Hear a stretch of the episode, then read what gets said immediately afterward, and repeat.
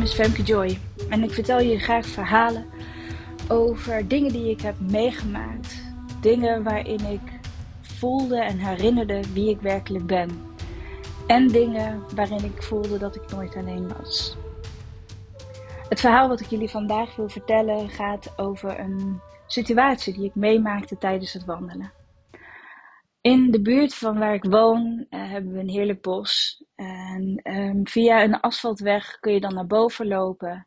Uh, daar kan je eventueel de auto parkeren. Maar ik uh, loop vaak die weg omhoog. En dan ga ik daar links het bos in. En dit keer werd ik ingehaald door een jongen op een fiets. En hij viel me op omdat hij in een heel hoog verzet fietste. Ik weet niet of je dat zelfs gezien hebt, maar dat blijkt in te zijn, denk ik. Een jonge gast. En hij fietste heel snel, maar hij ging heel langzaam voorbij. dus met zijn trappers ging hij heel snel. Nou, en, um, en ik, ik groette hem, want ik, hij viel me dus op. En ik weet nog steeds niet precies hè, waarom. Misschien dat het het gekke fietsen was. maar uh, nou, wie zal het zeggen. En eventjes verderop uh, stond hij stil. En uh, dus ik haalde hem weer in. ik was te voet. Ik had mijn oortjes in, mijn airpods in. En ik was ondertussen naar muziekje aan het luisteren. En terwijl ik verder liep, um, werd mijn aandacht getrokken. Ik voelde iets in mijn rug, dus ik draaide nog even een keertje om. En ik zag uh, in de verte uh, die jongen weer fietsen. Maar hij fietste zo langzaam dat uh, twee scootmobiels hem inhaalden. En nou, die scootmobiels die haalden mij ook weer in. En um, toen voelde ik daarna weer, ik denk, wat, wat voel ik in mijn rug? Dus ik draaide me om en hij was in één keer maar een meter van me af. Dus uh, ik zeg, hey, hallo. En toen zei hij, uh, ik, uh, ik heb een sollicitatiegesprek bij de supermarkt in, in dat dorpje hierboven. Um, ik weet niet hoe ik daar moet komen. En ik vond het een beetje gekke weg, want ik dacht, ja, weet je, ik zou nooit door het bos gefietst hebben. Maar goed, dus ik pakte mijn telefoon uh, en ik uh, liet hem in uh, Google Maps eventjes zien hoe hij dan het beste kon fietsen. Ik wist ook niet precies hoe, want ik, ik, ik was niet bekend in dat dorp en waar de supermarkt dan, markt dan precies zou zijn. Dus ik legde hem dat uit. Nou, moet je hier naar boven fietsen en dan ga je daar aan het einde van de weg ga je naar rechts. Oké, nou, dus hij fietst weg. Ik zeg, nou, succes. En nou, hij reageerde niet heel erg op alles wat ik zei, maar hij fietste door naar boven. En bovenaan stond hij weer. Dus ik zei, hé, hey. ik zeg, ja, hier moet je naar rechts. Hier, en, dus, en dan moet je alsmaar doorfietsen. En aan het einde van die weg moet je het even nog een keer vragen, want ik weet even niet hoe je dan verder moet. Maar je moet hier in ieder geval naar rechts. Dus hij zegt, oké. En hij fietst weg. En in de ruimte tussen onze contactmomenten was ik met hem bezig in mijn hoofd. Dus ik, ik, ik had zoiets van, wat wil die jongen nou eigenlijk? En ik merkte dat in die afstand, hè, want, want in, het, in het contact met hem, in de verbinding met hem, voelde ik totaal geen angst. Voelde ik alleen maar een, ja, een soort van moedelijk bezorgdheid van, goh, ja, nou, wat kan ik je helpen? Maar in de ruimte, dus in de afstand, ging ik me een beetje zorgen maken. Had ik zoiets van, eigenlijk is het een beetje gek dat ik hem nou al op zoveel momenten tegenkom, alsof hij mij opwacht, alsof hij iets van mij wil. En, um, en dan, toen moest ik aan Steven Spielberg denken. Hij heeft een serie gemaakt en die heet uh, Why We Hate. En hij zegt in die serie: uh, Distance is the mother of all evil. Waarin hij zegt: de afstand is de moeder van al het kwaad. En ik merkte dat echt, want in het contact met die jongen was ik niet bang. Had ik ook niet zoiets van: nou, dit is uh, onguur of het klopt niet. Of in die afstand werd dat in één keer groter. Dus in die afstand ging ik in één keer voelen, wat wil die nou eigenlijk? En klopt dit nou eigenlijk wel? En uh, ook, uh, ook naar mezelf toen dat ik dacht, hey, Jezus Fem, dit is gewoon een, uh, een jonge gast en die heeft gewoon een vraag. En, dus ik werd ook nog een beetje afwijzend naar mezelf toe. En, maar er zat ook een stuk in mij wat afwijzend was naar hem. Wat zoiets had van, ja, dit klopt niet. En, nou, dus um, hij ging naar rechts op de fiets, ik ging naar links. En ik moet er nog een klein stukje over het asfalt, dan moet ik nog een klein stuk naar links over een fietspad en dan ga ik echt naar boven het bos in. En op een gegeven moment komen er fietsers die halen mij in en ik schrik. Ik schrik gewoon. van die fiets. Toen dacht ik echt, nou kom op zeg, er is niks aan de hand met de jongen. Uh, maar even om te illustreren wat afstand doet. Dus ja, weet je wat ik al zeg, in het contact was ik niet bang. Maar in die afstand werd ik bang. En dan komt er dus een stuk wat, wat uh, gaat oordelen. Dat klopt niet en die jongen die klopt niet. Nou.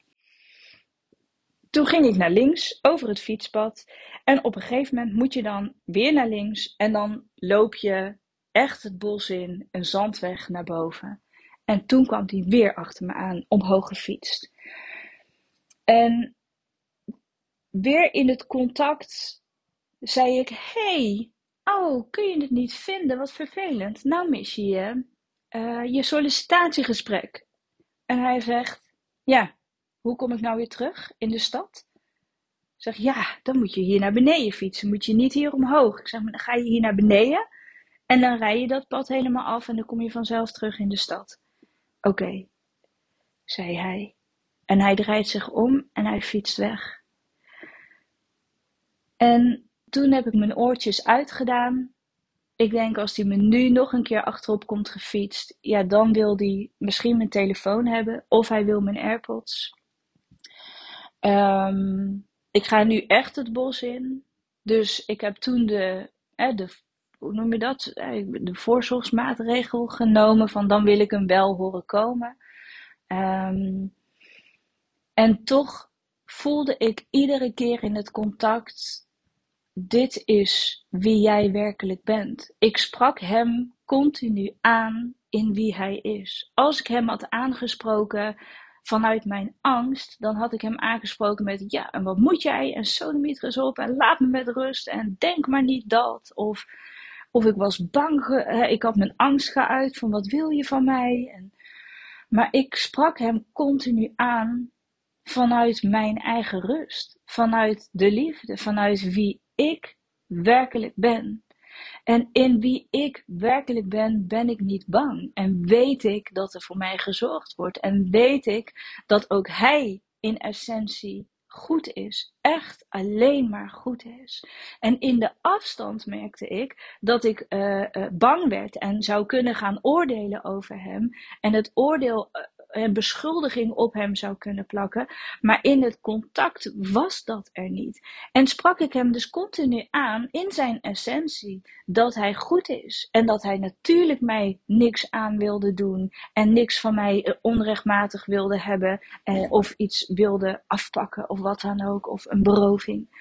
Dus ik, het werd me ineens zo helder wat ons te doen staat op het moment dat er iets gebeurt in ons leven waar we, weet je, wat echt niet oké is. Kun je dan op zo'n moment bij de essentie blijven? Niemand is slecht. In essentie zijn we allemaal goed. En in dit voorval voelde ik, ah, ik kan nu, en niet in het moment, hè, want in het moment um, was ik me hier nog helemaal niet zo bewust van. En daarom deel ik het met jullie. Omdat het me achteraf pas echt bewust werd hoe ik hierin handelde. Ik deel dit met jullie om te vertellen hoe jullie dit ook kunnen zien op het moment dat er iets vervelends gebeurt in jullie leven. En eh, of je iets onguurs voelt of voelt dat er iets niet helemaal klopt, spreek iemand aan in zijn essentie. Ieder mens is goed. Help de persoon eraan te herinneren dat dit niet is wie hij is. Dat dit een noodsituatie is. Vraag: wat kan ik nu voor je doen? Wat is werkelijk het probleem? Wat heb je, waar kan ik je mee helpen? Het is geen oplossing om een telefoon aan jou te geven. Waar, waar kan ik je echt mee helpen? Hoe kunnen we dit echt oplossen zonder dat je vanuit ego en vanuit pijn iets doet waar je later absoluut spijt van gaat krijgen? Of waar je later van gaat denken: had ik dat maar nooit gedaan?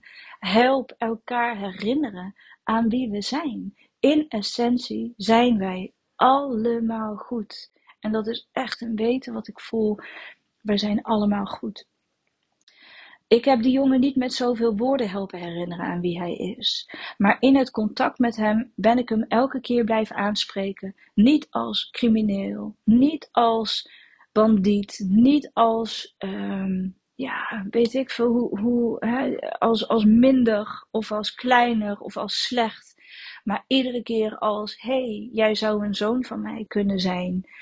Kan ik je helpen? Oh, verdorie, je gaat je sollicitatiegesprek missen. Wat vervelend, jongen. hoe kom ik nou weer terug? Ja, nou, dan moet je zo fietsen, dan kom je zo weer terug.